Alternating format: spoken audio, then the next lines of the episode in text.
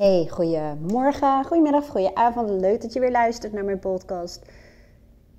Deze keer hou ik het kort. Dat is voor mij nog gewoon een unicum, want uh, ik ben over het algemeen redelijk lang van stof. En de meeste mensen vinden dat ook heel prettig. En uh, ik heb het eigenlijk zelf ook, dat als ik een podcast aan het luisteren ben en ik heb bijvoorbeeld uh, oortjes in mijn oren en ik ben lekker bezig, dan is het ook fijn nou ja, als je even lekker de diepte kan, in kan. En waarom ik het kort hou, is eigenlijk ook waar het over gaat in deze podcast. En dat is dat ik op dit moment, het is uh, 3 november, um, als ik het goed heb, ik lig op de grond met een dekentje en een kussentje bij de open haard in een streepje zon dat er binnen schijnt.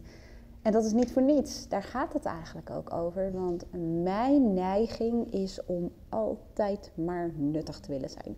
Dat is mijn innerlijke pusher. als je mijn tijdje volgt, dan weet je dat ik werk met verschillende persoonlijkheidskanten die we allemaal in ons hebben. En heel veel hebben bijvoorbeeld een perfectionist in zich, of een zorgzame kant, een verantwoordelijke kant, een pleaser, noem het maar op. We hebben allemaal verschillende kanten in ons. En een aantal daarvan zijn dominant, primair noemen ze dat ook wel. En um, als je niet uitkijkt, niet bewust bent, dan merk je dat zij die kanten namens jou het leven regeren. Dat klinkt heel zwaar, maar zo werkt het wel. Zonder bewustzijn merk je gewoon dat één of meerdere van die kanten um, nou ja, het voor jou gaan overnemen. Voor je het weet uh, zit een pleaser aan je stuur. En ben je aan het wegcijferen voor andere mensen omwille van de harmonie. En in mijn geval is het zo dat mijn pusher, mijn, mijn, mijn nuttige kant, die zit aan het stuur. En voordat ik het weet, zit ik de hele tijd op een dag waarop ik geen coachsessies heb, achter de laptop te werken, te werken, te werken, te werken, te werken, te werken, te werken.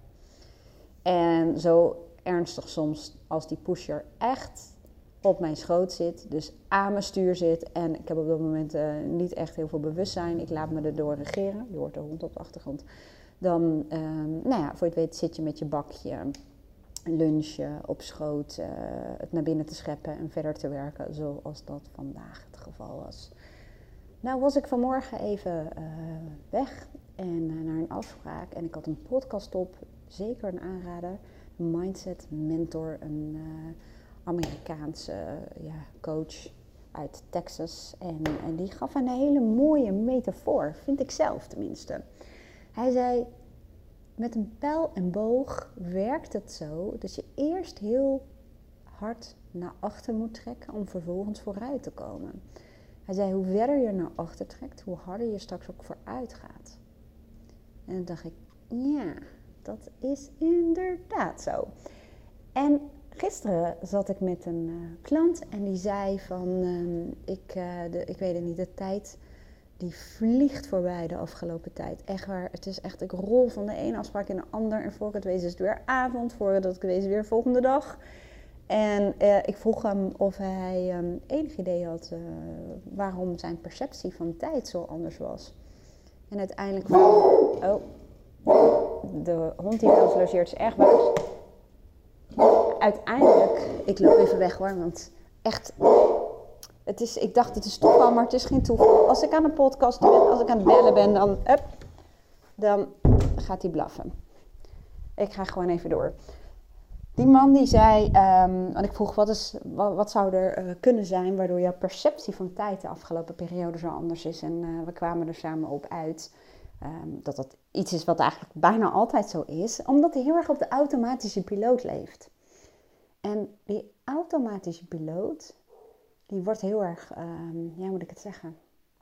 Dat is eigenlijk een programma in je onbewuste brein. En die onbewuste brein regeert voor ongeveer 96% van de tijd.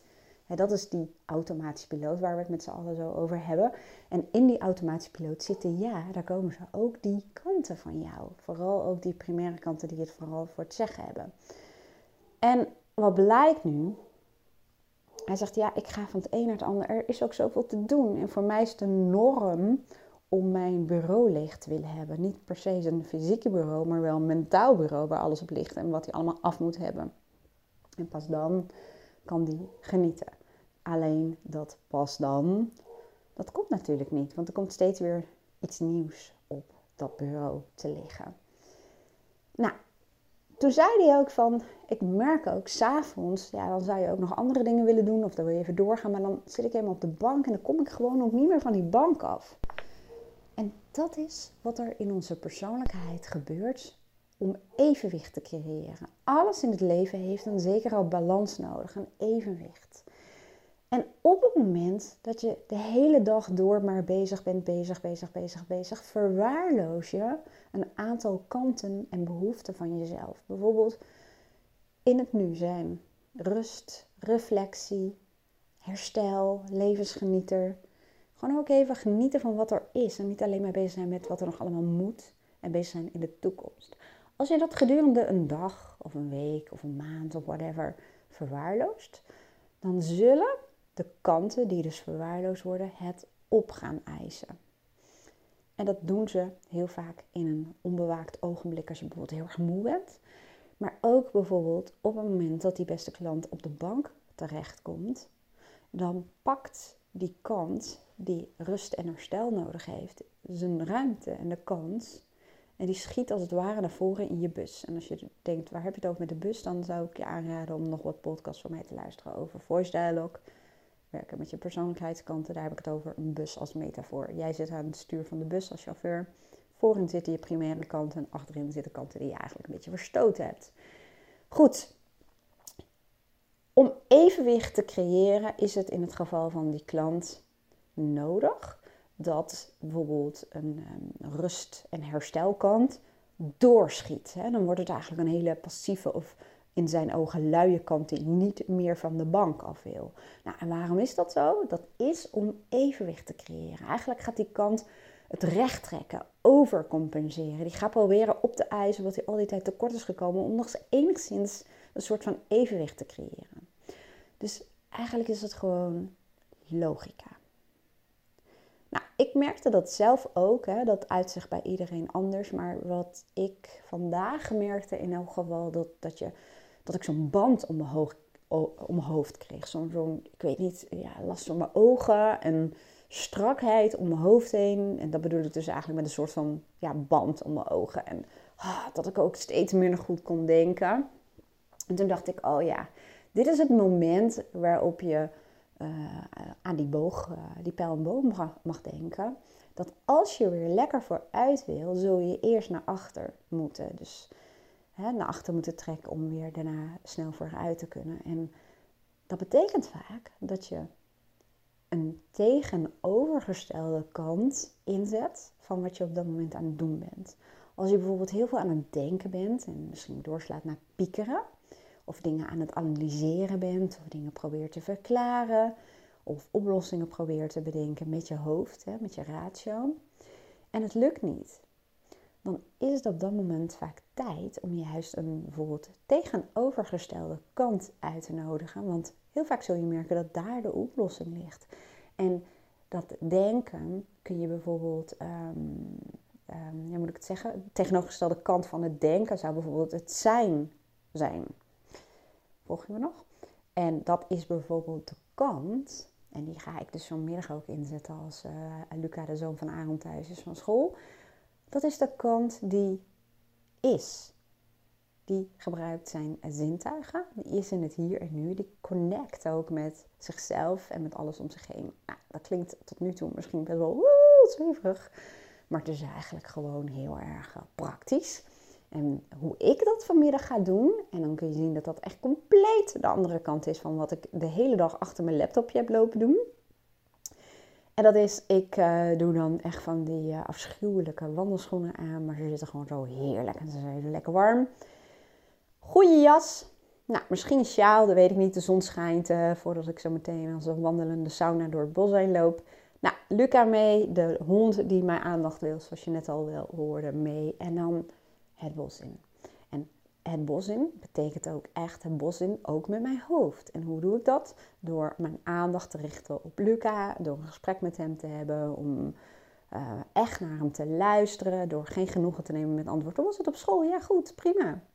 Oké, maar wat was dan prima? Of uh, wat, uh, wat verbaasde je vandaag? Of um, wat vond je een fijn moment? Door gewoon nieuwsgierig te zijn. Echt nieuwsgierig, wat gaat er in dat hoofdje van een? En ik zeg hoofdje, hij is veel langer dan ik. Ik noem nog altijd Ukkie. En vervolgens om gewoon lekker naar die hond te kijken, hoe die gewoon lekker door het bos heen struint. En om te ruiken, hoe het bos ruikt. En om naar de lichtinval te kijken en misschien een zak mee te nemen om uh, schatten uit het bos te vissen, zullen we maar zeggen. En om er te zijn. En door dat te doen, weet ik van mezelf dat ik ook straks, en straks kan vandaag zijn, maar straks kan ook heel goed morgen zijn, weer heel veel frisse helderheid in mijn hoofd heb. En als we kijken naar mij en als we kijken naar die klant van mij gisteren, dan hebben wij in die zin wat gemeen. En dat zijn een aantal primaire kanten. Bij mij is dat zo dat ik heel graag nuttige. Er zit een kant in mij die altijd maar nuttig wil zijn. En als je verder gaat graven, gaat het heel vaak over bestaansrecht.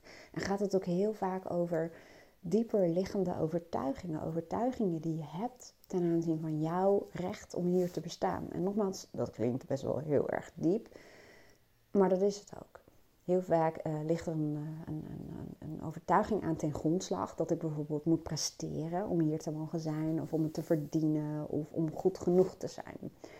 En om dat te bereiken, zitten die kanten in jouw persoonlijkheid die dat dus ook najagen. Hè? Prestatiekant, een kant, een nuttige kant, een streber, een pusher.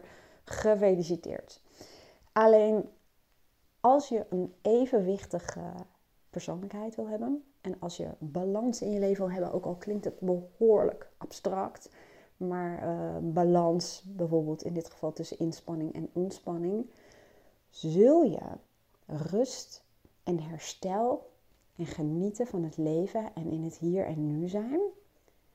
En tevreden zijn en dankbaar zijn moeten afwisselen met presteren en doen en gaan en plannen en noem het allemaal maar op. In de topsport is het gewoon een onderdeel van een plan.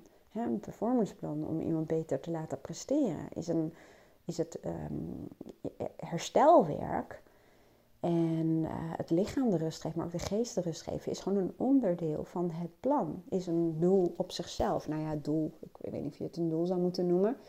En in ons dagelijks leven of in ons werk um, vergeten we vaak dat dat echt onderdeel uitmaakt van. En dat dat niet pas wordt gedaan als je jezelf daartoe toestemming geeft of als alles af is. Want ja, weet je, de pest is, niks is ooit af. En als het af is, komt er iets nieuws bij, waardoor herstel en genieten van het leven en van je relaties, van de mensen om je heen, vaak op nummertje 86 komt van uh, een lijst tot en met 100, zullen we maar zeggen. het, het, het, mag in de restjestijd, of het mag als je helemaal uitgeteld bent. Boodschap van vandaag ehm, is eigenlijk dat ik die metafoor met je wilde delen. En die metafoor is dus niet van mij, die is van de Mindset Mentor. Kun je wel eens even googlen, echt een leuke podcast. Is ook niet een heel vervelende man om naar te kijken. Maar goed, dat even terzijde. En die heeft als metafoor die pijl en boog. Dat als je heel snel vooruit wil, zul je ook bijvoorbeeld hè, met je pijl en boog heel hard naar achter moeten trekken. Eerst even naar achter en dan naar voren. En naar achter, dat kan voor iedereen verschillend zijn. En in mijn geval is dat kappen met die laptop en even in het hier en nu zijn en het bos ingaan. En ja, even weten, oh ja, ik besta ook nog ergens anders dan alleen maar in mijn hoofd. Dus dat is eigenlijk de metafoor die ik heel graag met je wilde delen. En misschien herken je wel wat uh, van uh, de kanten die ik beschreef. Hè? Het altijd maar moeten presteren en het, uh, het is nooit genoeg. En heb je ook nog een innerlijke criticus die zich daarmee bemoeit. En als jij nou zegt van, jee, wat interessant, al die verschillende kanten. En kun je daar ook iets mee? Ja, daar kun je heel veel mee in je dagelijks leven, in je werkleven. Ik heb daar ook een speciaal programma voor, die kun je heel zelfstandig volgen. Ik zal even een linkje onder zetten naar het programma. Ik doe ook losse sessies of als onderdeel van een coach traject waarin ik voice dialogue, dus de methodiek met jou gewoon ga doen. Dat is ook een optie. Je kunt ook eerst het programma gaan doen en op het moment dat je voelt dat je behoefte hebt aan een stukje begeleiding van mij of een andere voice dialogue facilitator, zoals ze dat zo mooi noemen, dan kun je dat altijd bijboeken. Even kijken, is er nog iets anders wat ik uh, in de podcast meegaf? Nee, nee. Ik heb geen aandelen in een pijl- en boogwinkel, uh, dus uh, daar kan ik ook niks mee. Goed, dan tot slot nog even. Als je dit luistert via YouTube, kijk dan even of je al geabonneerd bent. Want weet je in ieder geval zeker dat je niets mist de volgende keer. En als je dit luistert via een podcastkanaal, dan uh, ja, zou ik het heel erg leuk vinden als je een keer een reactie achterlaat, wat je ervan vindt, uh, wat je eigen dilemma's zijn, wat het bij je oproept. Of misschien heb je zelf ook een briljante ingeving die je met me wil delen. Leuk als je dat doet. En als je nou denkt dat er mensen in jouw omgeving zijn die hier wel wat aan kunnen hebben, of misschien herken je in het verhaal wat ik vertelde uh, iemand, dan deel het binnen je netwerk. Hartstikke fijn als je dat doet. Ben ik je heel erg dankbaar voor. Dankjewel voor het luisteren. Een hele fijne dag en tot de volgende podcast. Doei doei.